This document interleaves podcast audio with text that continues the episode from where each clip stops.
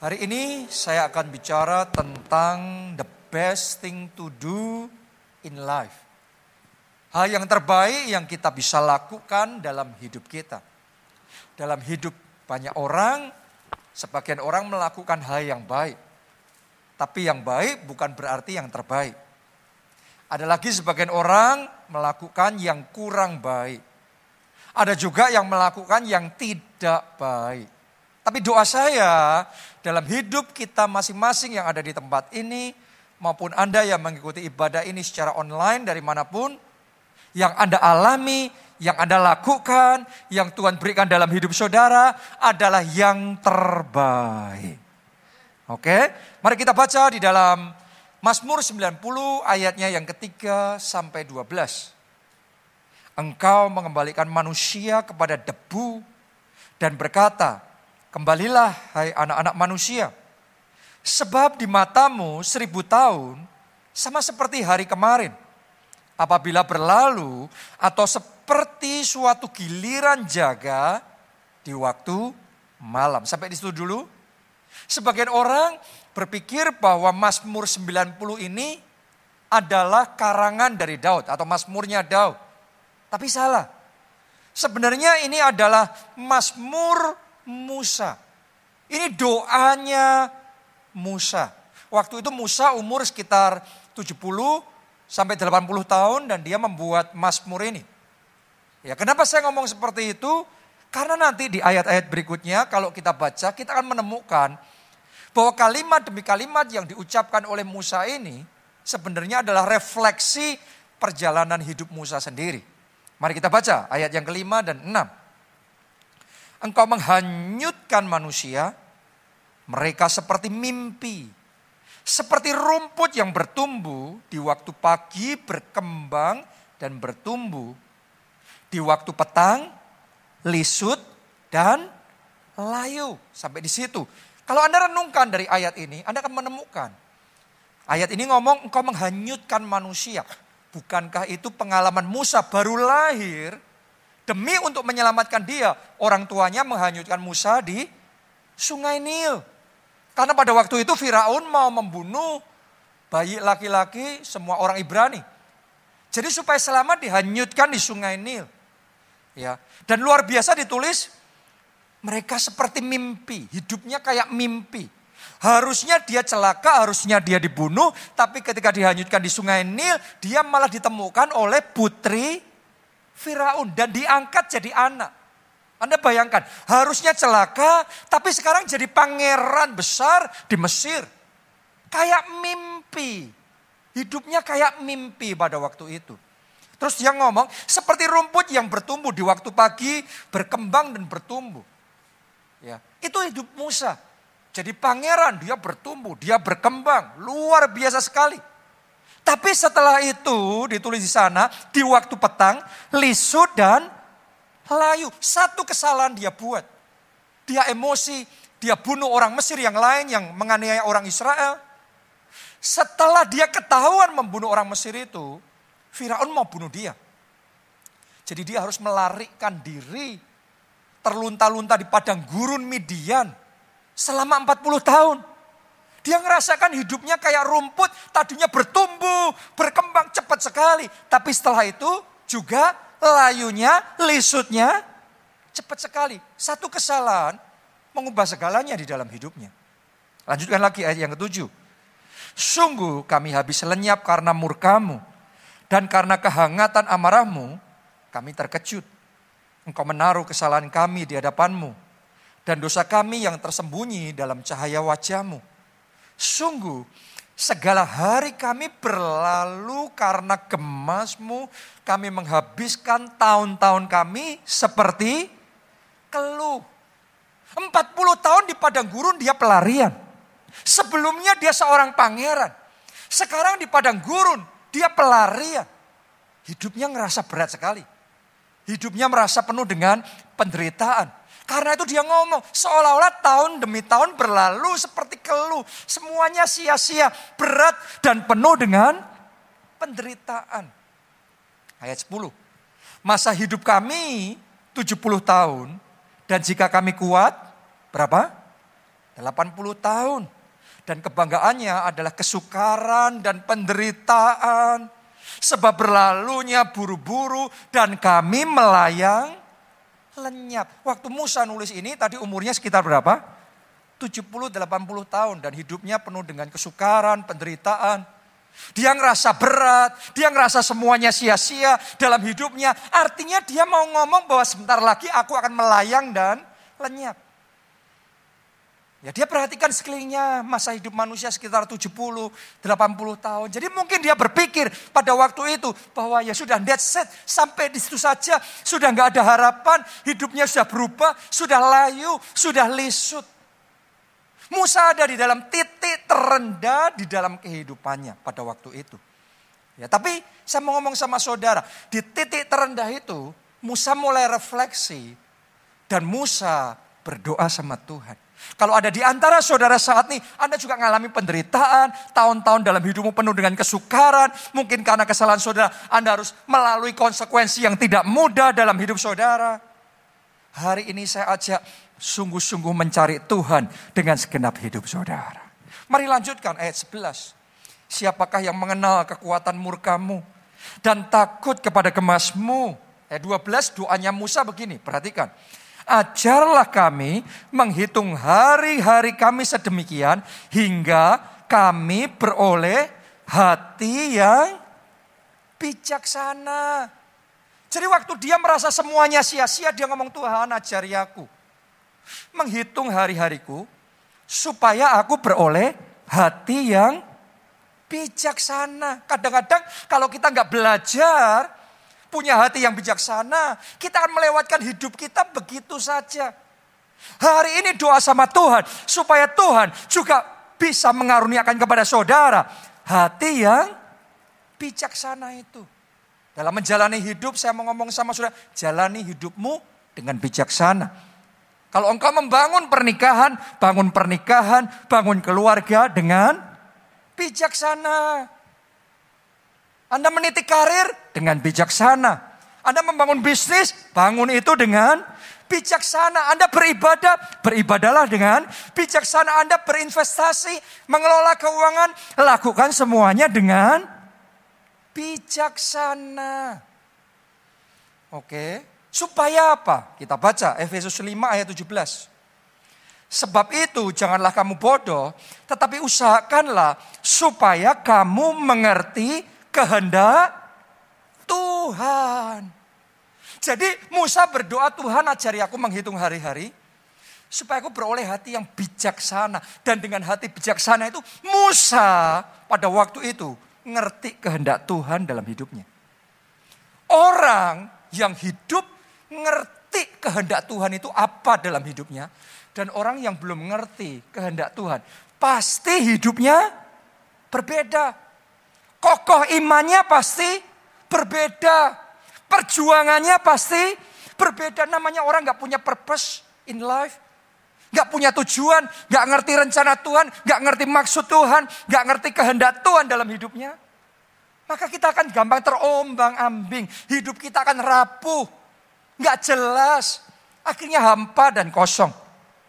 Tapi orang-orang yang ngerti, this is what God wants me to do in my life. Ini yang Tuhan mau aku lakukan dalam hidupku. Ini rencana Tuhan. Ini arahnya. Ini jalannya. Ini keputusannya. Ketika Anda hidup dengan kehendak Tuhan. Saya mau ngomong sama saudara. Kekuatan Tuhan akan diimpartasikan dalam hidup saudara. Ketika Musa tahu kehendak Tuhan. Ayo kita kasih tepuk tangannya yang paling meriah buat Tuhan kita. Ketika Musa tahu kehendak Tuhan dalam hidupnya. Yaitu untuk membebaskan bangsa Israel dari perbudakan Mesir, membawa kelepasan untuk bangsa Israel. Maka saat itu Musa menerima kuasa yang dari Tuhan. Musa terima kekuatan yang dari Tuhan. Padahal umurnya sudah hampir 80 tahun. Tapi justru di momen itu dia bangkit dengan kekuatan yang baru. Orang yang ngomong paling umur hidup manusia berapa sih? 70 kalau kuat 80 tahun. Tapi orang yang ngomong Mazmur 90 itu ternyata dalam perjalanan hidupnya umurnya enggak 80 tahun terus kemudian selesai. Umurnya dikasih ekstra umur panjang sampai 120 tahun. Kenapa? Ada kekuatan baru dari Tuhan.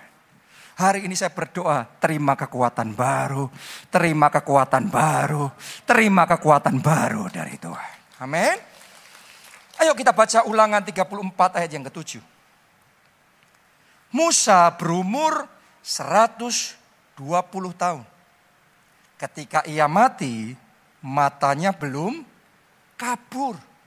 Dan kekuatannya belum hilang. Anda harus ngerti hidup Musa itu terbagi dalam periode 40 tahunan. 40 tahun pertama dia di Mesir. Tadi rumput yang bertumbuh mekar. Tapi di babak kedua 40 tahun berikutnya rumput yang layu, yang lisut. Ya dia di padang gurun yang kering di Midian. Dia pikir dia akan berakhir di usia yang ke-80 itu. Paling top segitu dia pikir. Ternyata Tuhan extend karena dia sekarang ngerti kehendak Tuhan dalam hidupnya. Dia ngerti misi Tuhan dalam hidupnya. Dia harus membebaskan bangsanya dari perbudakan Mesir. Dia terima urapan baru. Dia terima kekuatan baru. Dan dia bangkit dengan kuasa Allah. Dia kerjakan mujizat-mujizat. Kuasa Allah bermanifestasi. Dan melalui hidupnya bangsa Israel mengalami kelepasan yang besar. Dan umurnya panjang. Jadi 40 tahun yang ketiga 40 tahun final dalam hidupnya itu bukan 40 tahun yang sakit-sakitan, yang jelek, yang buruk, tapi 40 tahun yang penuh dengan kemuliaan akan menjadi kesaksian dalam hidup saudara. Mungkin sekarang Anda sedang berbeban berat, banyak persoalan penderitaan, tapi saya deklarasikan babak baru dalam hidupmu dimulai itu babak yang penuh dengan tanda ajaib, babak yang penuh dengan kemenangan, babak yang penuh dengan kemuliaan. Tepuk tangannya yang paling meriah buat Tuhan kita. Sekali lagi terima kekuatan yang baru. Terima kekuatan yang baru dari itu. Amin. Nah sekarang pertanyaannya bagaimana caranya kita bisa ngerti kehendak Tuhan dalam hidup kita. Efesus 5 ayat 17 sampai 18. Kali ini kita akan baca di dalam versi Alkitab bahasa Indonesia masa kini. Karena itu Anda lihat aja yang di depan. Jangan bodoh, tetapi selidikilah apa yang dikehendaki Tuhan. Jadi ternyata untuk mengetahui apa yang dikehendaki Tuhan, nomor satu harus apa? Menyelidiki. Bukan sepintas selalu. Anda dengar khotbah sepintas selalu dan Anda dengar khotbah dengan menyelidiki. Dengan memperhatikan. Anda understandingnya akan berbeda. Understanding tentang kehendak Tuhan akan beda levelnya. Sama-sama saudara nonton TV. Pikiran saudara mengembara ke mana-mana. TV-nya masih main, mata saudara masih ngeliat. Tapi pikiran mengembara ke mana-mana. Kita nggak ngerti kok. Dia apa? Kita butuh ngulang supaya bisa ngerti. Benar apa tidak? Artinya cara kita mendengarkan firman Tuhan, cara kita membaca Alkitab itu menentukan understanding kita, pengertian kita akan apa kehendak Tuhan dalam hidup kita. Butuh menyelidiki firman. Makanya kita ngomong berbahagialah yang kesukaannya merenungkan firman siang dan malam. Anda akan menemukan kehendak Tuhan. Nomor dua, kita lanjutkan ayat tadi. Janganlah kalian mabuk oleh anggur. Sebab itu akan merusakkan kalian. Sebaliknya, hendaklah kalian dikuasai oleh roh Allah. Ada dua ini. Satu mabuk oleh anggur, yang kedua dikuasai oleh roh Allah. Ini berbalikan, tapi ada paralelnya. Pernah nggak saudara melihat orang yang mabuk oleh anggur? Kenapa dia bisa mabuk oleh anggur? Apakah karena minum anggur sedikit? Enggak, minumnya pasti banyak sampai mabuk. Ketika dia mabuk, orang kalau sudah kayak gitu akan mulai berhalusinasi. Dia akan mulai bisa melihat hal-hal yang Tadinya dia tidak lihat. Tapi itu fake, itu palsu, itu hanya ilusi. Tapi Alkitab ngomong tentang mabuk oleh anggur ini terus kemudian dikaitkan dengan penuh dengan roh Allah. Tadi bisa mabuk itu bukan karena sedikit. Tapi karena minumnya banyak. Saya berdoa Anda kepenuhannya roh kudus berlimpah-limpah bukan sedikit, tapi alami kepenuhan Roh Kudus berlimpah-limpah sampai Anda mabuk oleh anggur Roh Kudus. Ya, ada itu anggur Roh Kudus. Kalau saudara sampai mabuk oleh anggur Roh Kudus, maka Roh Kudus akan menolong Anda untuk melihat hal-hal yang Anda tidak bisa lihat sebelumnya. Dan itu bukan palsu karena dari Roh Kudus. Maka dia akan melihat, dia akan menunjukkan kehendak Tuhan dalam hidup saudara. Kalau Roh Kudus yang mencelikkan mata rohani sudah sudah ngerti. Ini pasangan hidup dari Tuhan. Ini pekerjaan yang harus aku tekuni. Ini keputusan yang aku harus jalani di dalam kehidupanku. Kalau saudara ngerti kehendak Tuhan. Tapi butuh, saudara nggak bisa minum anggur sedikit. Minum anggurnya banyak sampai mabuk. Bukan anggur biasa. Anda terima kepenuhan anggur roh kudus. Lebih dan lebih lagi doa saya. Anda tidak hanya sekedar mendengarkan firman Tuhan. Anda buka hati. Terima roh kudus. Terima roh kudus lebih lagi. Amin. Tepuk tangan boleh yang paling meriah buat Tuhan kita. Nah sekarang saya mau bagikan kepada saudara apa itu kehendak Tuhan. Karena kehendak Tuhan itu sebenarnya ada yang spesifik, ada yang umum. Dalam artian kalau spesifik itu khusus untuk kita pribadi masing-masing, secara unik Tuhan itu punya kehendak Tuhan dalam hidup kita. Mau Tuhan punya rencana apa secara unik dalam hidup kita. Tapi ada juga kehendak Tuhan secara umum. Yang mana untuk semua orang ya ini kehendak Tuhan. Oke, dua-duanya ini kita harus ngerti. Kalau secara pribadi tadi saya sudah ngomong. Saudara harus menyelidiki firman Tuhan. Saudara harus mengalami kepenuhan roh kudus. Sampai di tahap tertentu itu hanya roh kudus yang bisa mewahyukan sama saudara. Yang bisa ngasih ngerti sama saudara. This is what I want you to do in your life.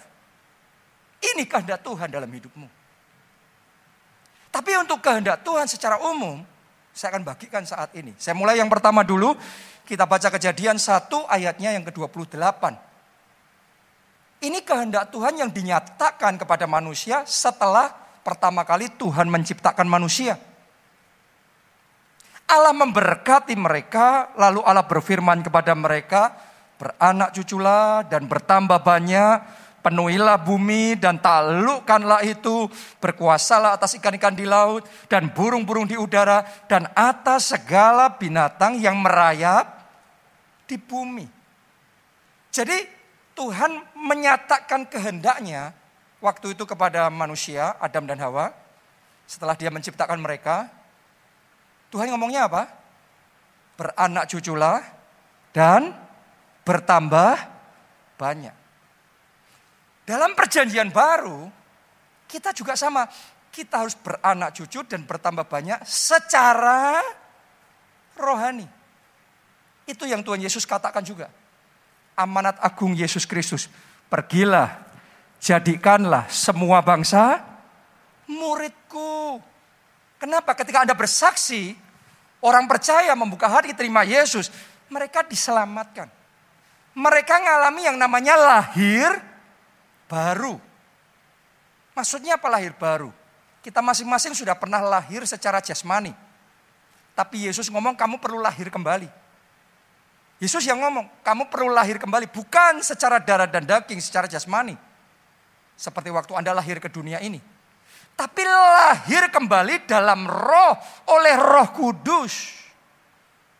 Ketika kita menerima Yesus sebagai Tuhan dan Juru Selamat. Jadi ketika Anda bersaksi, Anda memberitakan Injil. Terus orang percaya kepada Yesus. Mereka lahir kembali. Anda sedang beranak cucu secara rohani. Itu anak-anak rohani.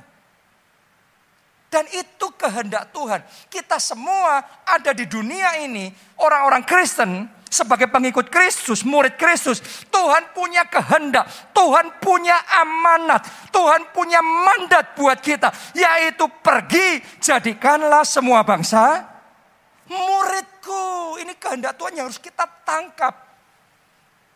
Banyak orang belum bisa nangkap, tapi doa saya, Roh Kudus, mampukan Anda tangkap kehendak Tuhan ini. Seperti Musa pada waktu itu, kehendak Tuhan adalah membebaskan bangsanya dari perbudakan Mesir menuju tanah perjanjian. Tuhan juga mau pakai kita membebaskan jiwa-jiwa yang terhilang dari kegelapan pada terang Allah yang ajaib. Sekian tahun yang lalu, Bapak rohani kita, gembala kita, Pak Obaja, dia berpikir dan pernah ngomong sama saya, dia berpikir untuk pensiun. Kenapa? Karena sudah puluhan tahun berjuang, puluhan tahun mengalami banyak hal, ya sudah mau ngapain lagi. Terus berpikir mau pensiun aja. Ya, sampai suatu saat kami lagi fellowship sama seorang hamba Tuhan datang dari luar negeri. Mungkin Anda juga pernah dengar namanya. Dia pendoa syafaatnya Reinhard Bonke, penginjil yang sangat terkenal itu. Namanya adalah Suset Hattings. Waktu kita lagi kumpul ngobrol, ya, kita sharing, tiba-tiba Tuhan kasih penglihatan. Tiba-tiba Tuhan perlihatkan sama Suset Hetting bahwa dari kehidupan Pak Obajani muncul obor kegerakan, api roh kudus yang menjalar ke seluruh Indonesia, bahkan bangsa-bangsa. Dan itu yang dia lihat, dia sampaikan sama Pak Obaja. Buat Pak Obaja itu kayak Tuhan sedang berbicara, membukakan ini kehendak Tuhan. Kehendak Tuhan bukan untuk pensiun. Kehendak Tuhan melalui hidupnya obor kegerakan, api revival harus menyala untuk Indonesia. Dan sudah tahu nggak, begitu ngerti kehendak Tuhan, langsung terima pengurapan. Kalau Anda bisa melihat kehendak Tuhan, Anda akan terima pengurapan, Anda akan terima kuasa. Sehingga Pak Obaja yang tadinya sudah mau pensiun, langsung berubah total. Rohnya menyala kembali, dia bangkit kembali, dia berjuang kembali. Sehingga sejak satu sampai sekarang, gelombang kegerakan yang lebih besar Tuhan kerjakan di tengah-tengah kita. Hari ini saya berdoa, Anda masing-masing alami perjumpaan pribadi dengan Roh Kudus. Anda masing-masing dicelikan mata rohani saudara sehingga Anda bisa melihat ini kehendak Tuhan dalam hidupku dan Anda bangkit, terima kekuatan yang dari Tuhan. Anda akan melihat seperti Musa terima kekuatan baru, Anda juga terima kekuatan baru. Babak berikutnya dalam hidup saudara adalah babak kemenangan, babak kebangkitan babak kegerakan, babak kemuliaan. Orang Kristen yang ngerti kehendak Tuhan selamatkan jiwa. Hidupnya akan di backup dengan kuasa Tuhan. Banyak orang Kristen kenapa kok saya berdoa enggak dan nothing happen, enggak ada yang terjadi. Seolah-olah doanya kayak enggak ada kuasa. Anda harus ngerti kehendak Tuhan, berjalan ngerjain kehendak Tuhan, nanti Tuhan backup Anda. Kalau kita nggak ngerjain kehendak Tuhan, ngapain di backup sama Tuhan? Tapi kalau saudara ngerjain agendanya Tuhan, pastilah Tuhan membackup saudara. Anda akan melihat demonstrasi kuasa Tuhan otomatis bekerja melalui hidupmu. Itu yang pertama, ngerti kehendak Tuhan. Yang kedua, yang kedua, Tuhan mau kita meneruskan warisan rohani. Selama sebulan ini saya bicara terus tentang warisan rohani. Artinya apa? Kalau saudara saat ini sudah terima anugerah, jaminan keselamatan masuk surga, jangan cuma Anda yang masuk surga, anak-anakmu juga harus masuk surga. Anak cucu keturunanmu juga harus masuk surga. Itu warisan iman, warisan rohani. Kalau Anda dididik, diajari Tuhan melalui proses dalam hidupmu, Tuhan ngajain. Sehingga Anda muncul dapat hikmat ilahi. Anda ngerti, oh gini loh berjalan bersama Tuhan. Jangan cuma saudara sendiri. Ajari teman-temanmu. Ajari anak sel saudara. Ajari, bagikan kepada kepada sahabat-sahabat saudara. Gimana hikmat yang dari Tuhan? Gimana berjalan bersama Tuhan? Kenapa? Itu warisan rohani. Nggak boleh berhenti sama kita saja. Harus diteruskan. Kalau saudara sudah dididik sama Tuhan, berjalan dalam iman. Saudara akan ngerti. Orang yang belum tahu berjalan dengan iman dan orang yang sudah tahu itu beda sekali. Berjalan dengan iman.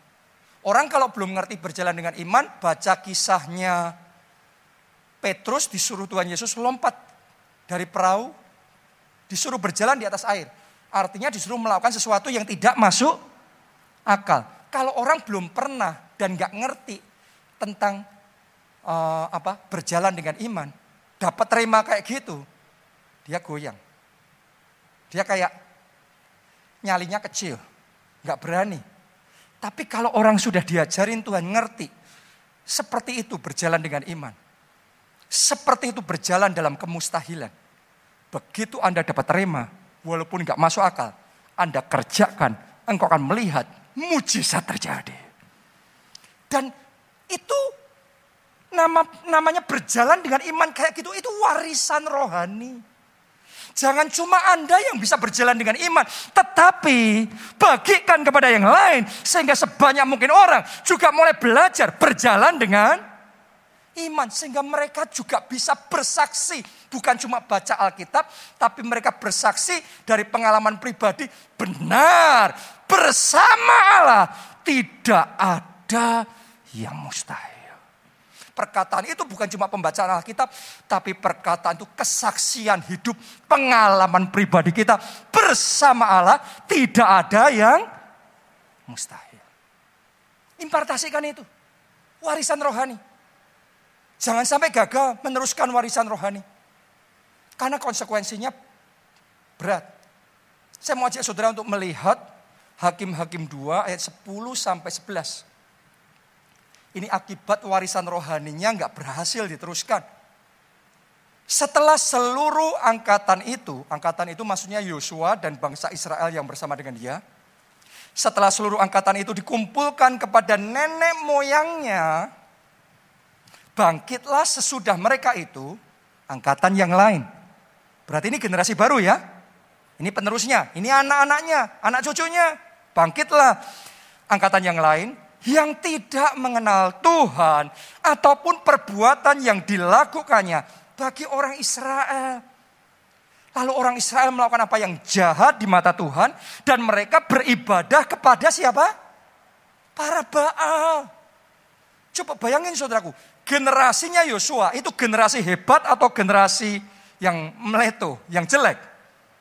Ini generasi hebat, ini generasi yang mengalami keajaiban luar biasa mereka menyeberangi sungai Yordan. Mereka berkeliling. Kuasa Allah dinyatakan. Tembok Yeriko roboh. Mereka perang. Tuhan tolong mereka. Musuh-musuhnya dilempari batu dari langit oleh Tuhan. Itu kayak kayalan banget. Tapi it happen. Mereka berdoa, matahari berhenti, bulan berhenti. Scientific membuktikan itu juga. Ya. Jadi ini adalah generasi yang very very powerful. Tapi setelah angkatan itu mati, dikuburkan, maka bangkitlah angkatan yang lain. Generasi barunya tidak kenal Tuhan, nyembahnya Baal. Tragis sekali. Bapaknya cinta Tuhan, anaknya nyembah Baal. Bapaknya ngerti bagaimana berjalan dengan iman, ngikuti tuntunan Roh Kudus. Anak-anaknya hidup di dalam kedagingan, hidupnya kacau, berantakan.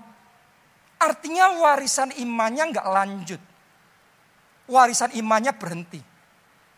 Doa saya yang kayak gini tidak akan terjadi dalam keluarga saudara. Tidak akan terjadi di dalam gereja kita. Saya berdoa warisan rohani di dalam keluarga, di dalam kelompok sel kita, di dalam gereja kita, tidak pernah berhenti tidak pernah terputus. Bahkan makin hari warisan itu makin besar, makin hebat, makin luar biasa. Kalau saudara diberkati Tuhan, saya nubuatkan anak cucu saudara lebih diberkati. Kalau Anda diurapi, generasi berikutnya lebih diurapi. Kalau Anda dipakai Tuhan, ngalami perkara-perkara besar. Di generasi berikutnya, terobosan lebih besar, kemenangan lebih besar. Tuhan kerjakan. Yang percaya tepuk tangannya jangan separuh hati, yang percaya tepuk tangannya segenap hati terjadi dalam hidupnya. Amin. Saya tuh melihat satu gereja yang digembalakan oleh Pastor David Oyedepo. Luar biasa sekali. Bagaimana dari dianya mengimpartasikan warisan rohani kepada jemaat, pelayan Tuhan, para leaders di gereja itu. Sebaliknya, bagaimana jemaatnya, para leadersnya menangkap warisan rohaninya. Sehingga di gereja itu bukan cuma dia yang powerful. Tetapi banyak orang-orang, jemaat-jemaatnya itu dibangkitkan. Kapasitas imannya besar. Berjalan dalam roh. Mengalami hal-hal yang luar biasa. Itu itu benar-benar amazing. Dan saya melihat beda sama banyak gereja yang lain di zaman foundernya, zaman pendirinya hebat sekali. Tapi setelah foundernya nggak ada, begitu diteruskan generasi berikutnya, semuanya tinggal kejayaan masa lalu. Sekarang nggak ada apa-apanya. Kayak pudar begitu saja. Saya berdoa di dalam keluarga saudara. Dari generasi ke generasi anugerah Tuhan makin besar. Kemuliaan Tuhan makin nyata. Tuhan bawa kita semua from glory to glory. Dari kemuliaan pada kemuliaan yang semakin besar. Katakan amin. Tepuk tangannya yang meriah buat Tuhan kita. Allah Abraham, Allah Isa, Allah Yakub. Ini keturunan-keturunan. Ya, kalau Anda dalam bahasa Inggris, nanti bisa teliti, ditulis Abraham was great. Abraham itu besar, hebat. Isaac very great. Isa itu sangat besar. Terus Yakub very very great, exceedingly great. Jadi dari generasi ke generasi tambah dahsyat, tambah luar biasa. Itu warisan imannya jalan terus, berkembang terus. Seperti itu Tuhan kerjakan di gereja kita. Seperti itu Tuhan kerjakan di dalam keluarga saudara. Di dalam hidup saudara. Tepuk tangannya yang paling meriah buat Tuhan kita. Amin. Yang terakhir, yang ketiga. Kehendak Tuhan. Yang ketiga. Kumpulkan harta kekayaan yang sejati. Bukan sekedar yang sementara. Yang di dunia ini sementara. Boleh nggak mengumpulkan kekayaan di dunia? Bagus. Bagus saya nggak ngomong jelek. Tapi yang terbagus, yang terbaik. Kan hari ini kita bicaranya the best thing to do. Benar nggak? Ya banyak yang baik. Tapi yang terbaik kumpulkan harta di surga. Nah apa yang terjadi kalau kita cuma ngumpulin yang di dunia. Tapi melupakan yang di surga. Pengkhotbah 2 ayat 18 dan 20. Ini yang ngomong adalah Salomo, orang terkaya yang pernah hidup di sepanjang sejarah manusia. Dia ngomong begini, aku membenci segala usaha yang kulakukan dengan jerih payah di bawah matahari. Saya tanya sama saudara, kalau di bawah matahari berarti bicara tentang hidup di dunia atau kekekalan? Di dunia, di bawah matahari ini urusan dunia. Salomo tuh hartanya terus dikumpulin terus tuh. Kaya sekali dia. Sebab Aku harus meninggalkannya kepada orang yang datang sesudah aku.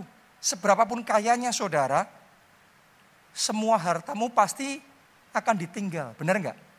Ketika waktunya tiba, kita check out dari dunia ini. Nggak ada kan yang dibawa? Ada nggak orang yang meninggalkan dunia ini terus propertinya, apartemennya ikut naik, emasnya, dolarnya. Nggak ada kan? Semuanya harus ditinggal. Perhatikan ayat yang ke-20. Dengan demikian aku mulai putus asa terhadap segala usaha yang kulakukan dengan jeripaya di bawah matahari. Artinya Salomo yang punya semuanya, kalau nggak punya kekalahan, maka sia, sia. Kita pengkhotbah Anda akan membaca dan menemukan berulang-ulang Salomo ngomong hidup di bawah matahari ini sia, sia. Kenapa? Tanpa Tuhan, Anda boleh kaya raya luar biasa, kalau ditolak masuk surga, nggak ada artinya saudara. Kekayaan itu getir kalau Anda nggak bisa masuk surga. Oke. Nah, sekarang harusnya kita gimana? Saya mau bacakan ayat terakhir kali ini Yesus sendiri yang ngomong, bukan nabi yang lain, tapi Yesus sendiri yang ngomong. Matius 6 ayat yang ke-19 sampai 20. Janganlah kamu mengumpulkan harta di bumi. Kenapa? Di bumi ngengat dan karat merusakkannya dan pencuri membongkar serta mencurinya. Saya tanya sama saudara, benar nggak ayat ini? Di dunia ini ngengat dan karat merusakkan apa tidak? Yes. Coba anda renungkan, yang nyimpen uang di bank, rekeningnya banyak. Tapi kan kita mengakui, ngengat inflasi merusakkan. Ibu-ibu beli minyak goreng, seliter berapa? Hanya dalam waktu yang singkat, butuh uang dua kali lipat untuk beli seliter yang sama. Nominalnya jumlah sama, tapi value uangnya jadi separuh. Itu ngengat-ngengat inflasi. Benar nggak? Ada juga karat. Saudara boleh punya peralatan listrik, mobil, AC, apa pun itu. Keren sekarang, paling modern, paling mahal sekarang. Tunggu aja berapa tahun Nanti ini rusak, onderdilnya butuh diganti, harus karat merusakkannya. Bukan cuma itu, pencuri membongkar serta mencurinya. Coba Anda lihat, terjadi nggak sekarang ini? Ini lagi marah sekali. Heboh di berita terus menerus di koran-koran. Orang maksudnya mau cari cuan, invest, ketipu. Ternyata judi online. Ternyata investasi bodong. Kenapa? Tuhan Yesus sudah ngomong, selama di dunia ini ada saja pencuri yang akan mencurinya. Terus harus gimana kita? Ayat terakhir, ayat 20. Ayo kita baca bersama-sama. Satu, dua, tiga. Tetapi kumpulkanlah bagimu harta di surga. Katakan amin saudaraku. Katakan dari hati amin sekali lagi. Katakan sepenuh hati amin sekali lagi. Di sorga ngengat dan kara tidak merusakkannya. Dan pencuri tidak membongkar serta mencurinya. Saya tidak melarang saudara mengumpulkan harta di bumi. Bahkan saya doakan Anda makin diberkati oleh Tuhan. Haleluya. Tapi lebih dari itu jangan lupa kumpulkan harta di surga. Mulai sekarang anda harus lebih dekat sama Tuhan. Anda mendekat sama Tuhan. Apalagi kita di momen doa puasa 21 hari. Sudah jalan dua minggu kan? Tinggal seminggu. Yang belum ikut, Anda segera join besok. Saya secara pribadi ngerasain di waktu-waktu ini. Sementara doa puasa, Tuhan bawa saya ngalami Tuhan lebih real, lebih nyata. Setiap saat saya ngerasain sentuhan roh kudus, zaman Tuhan dalam hidup saya. Saya ngerasain rohnya mengalir dalam hidup saya. Saya ngerasain saya benar-benar berjalan dengan pribadi yang hidup. Jadi Tuhan itu bukan kayak konsep, oh Tuhan gitu, oh kita beribadah sama Tuhan. Tapi Tuhan itu pribadi yang nyata, yang dekat sekali sama saya. Saya berdoa, Anda dibawa lebih dalam lagi lebih dekat lagi sama Roh Kudus. Mulai hari ini Tuhan jadi pribadi yang nyata, jadi pribadi yang sangat nyata, sangat hidup dalam hidupmu. Pakai waktumu melayani Tuhan. Pakai tenagamu, pakai hartamu memuliakan Tuhan. Mulai sekarang bersaksi, beritakan Injil, selamatkan jiwa-jiwa, Mungkin sudah ngomong sama saya, Pak kok jadi repot banget gitu. Loh, ngumpulin harta di dunia yang sementara aja orang butuh repot kerja keras enggak? Coba anda lihat orang-orang yang ngumpulin harta di dunia kan harus kerja keras. Itu baru harta di dunia level yang segitu. Tapi level di surga harga, harta yang kekal, yang tidak bisa dirusakkan ngengat dan karat, tidak bisa dicuri oleh pencuri mana pun. Anda butuh bayar harga.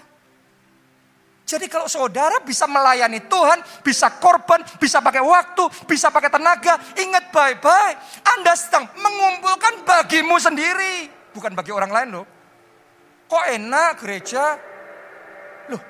Itu bagimu sendiri mengumpulkan harta di surga. Saya sendiri secara pribadi mengalokasikan setiap bulan. Oh saya alokasikan ini untuk jadi berkat bantu orang susah sesuai tuntunan Roh Kudus. Saya alokasikan untuk menaburkan benih profetik, mengembalikan persepuluhan. Kenapa? Saya sedang mengumpulkan bagiku sendiri harta di surga. Yesus yang suruh itu. Dan setiap orang responnya beda-beda. Makanya nanti di surga orang itu hartanya beda-beda. Kalau kita cuma ngurusin ngumpulin yang di dunia saja lupa ngumpulin di sana. Kita gigi jari. Karena Yesus suruh kumpulkan, bukan cuma masuk surga, tapi kumpulkan harta di surga. Jadi mulai hari ini pakai waktumu untuk melayani Tuhan. Saat kau melayani Tuhan, saat kau beribadah, Anda mungkin ke gereja, waduh saya kalau ke gereja onset nanti harus transportasi, harus buang waktu, harus gini-gini. Saya mau ngomong, engkau sedang mengumpulkan bagimu sendiri harta di surga.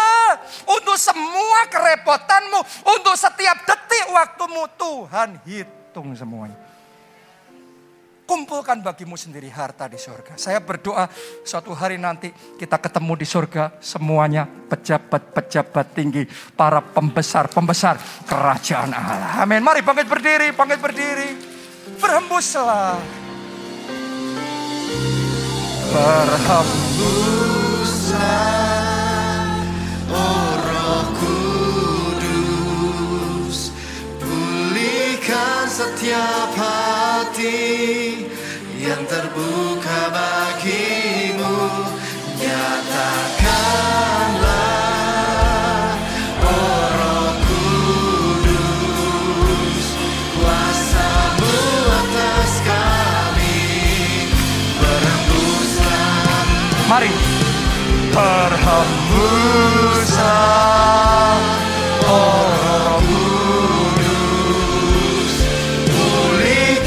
Setiap hati yang terbuka bagiku nyatakanlah oh roh kudus roh kudus berhembuslah berhembuslah mari angkat dua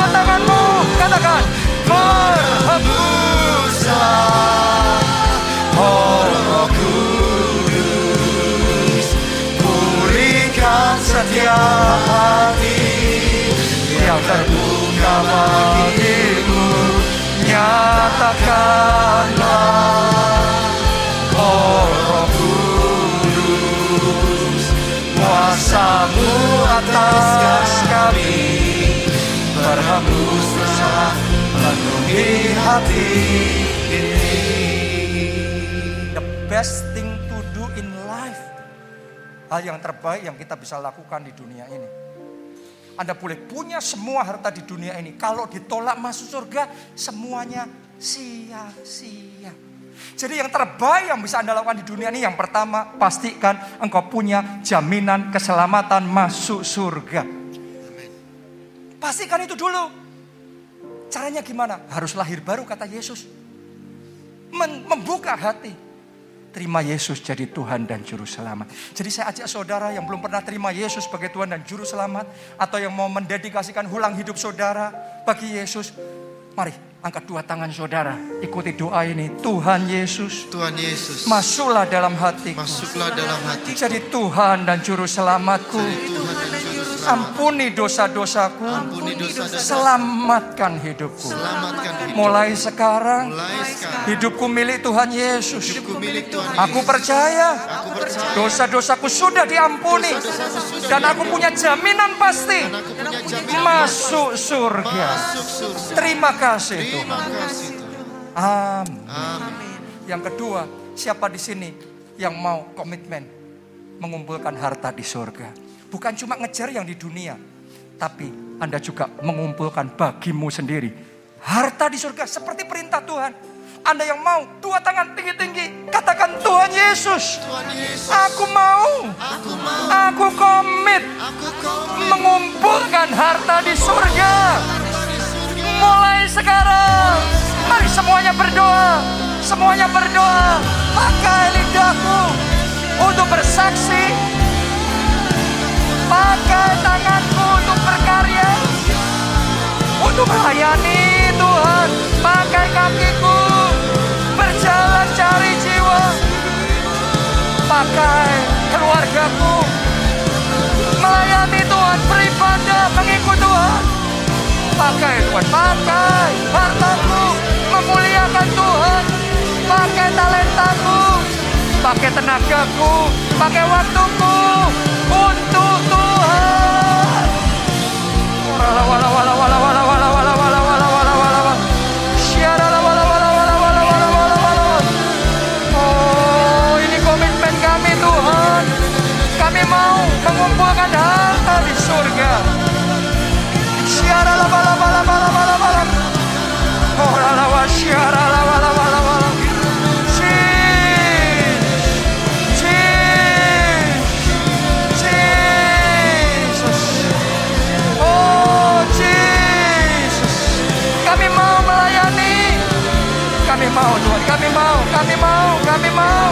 kami mau, kami mau, kami mau.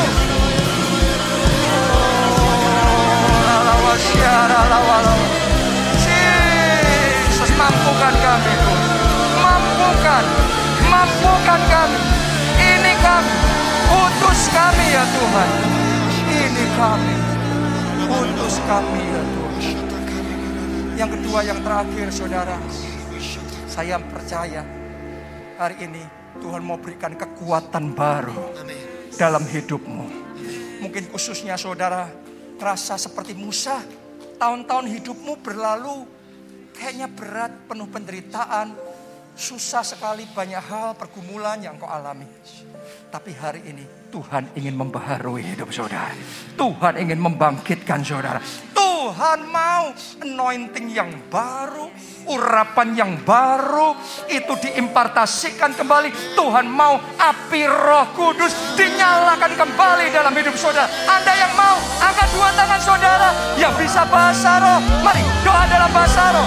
Yang belum, saudara doa dalam bahasa Indonesia. Oh.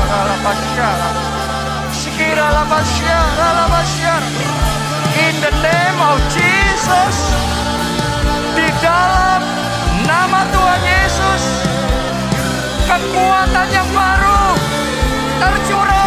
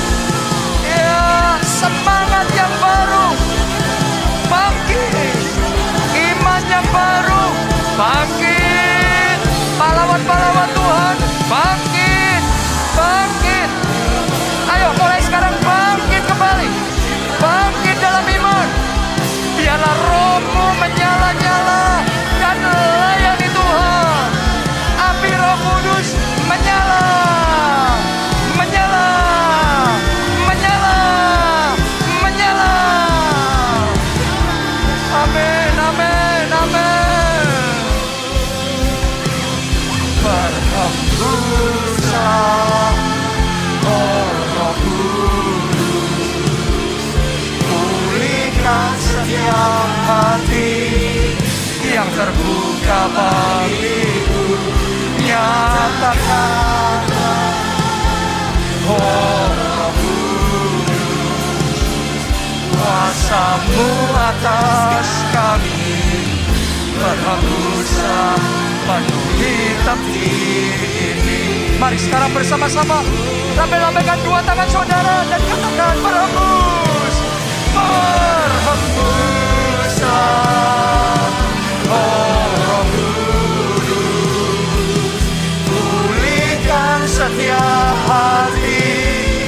Yang terbuka bagimu Nyatakanlah. Oh Roh Kudus Kuasamu atas kami. Berhembuslah penuhi hati. Yang terakhir saudara Mari yang terbaik bersama-sama. Katakan berhembus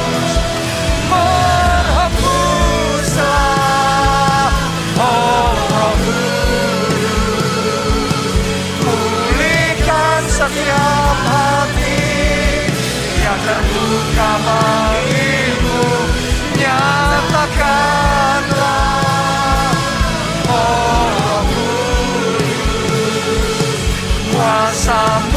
atas kami penuhi hati ini. Kuasamu atas kami Berhembuslah penuhi hati Kuasamu atas kami Berhembuslah penuhi hati ini Haleluya Terima kasih Tuhan Mari angkat kedua tangan saudara dan terima blessing ini. Diberkatilah saudara oleh Tuhan. Diberkatilah keluarga saudara oleh Tuhan. Diberkatilah studi dan pekerjaan saudara oleh Tuhan. Dan diberkatilah kesehatan dan masa depan saudara oleh Tuhan. Juga diberkati pertumbuhan rohani serta pelayanan saudara oleh Tuhan. Dalam anugerah Allah Bapa, cinta kasih Yesus Kristus, persekutuan dengan Roh Kudus sekarang sampai selama-lamanya. Mari bersama kita katakan, Amin.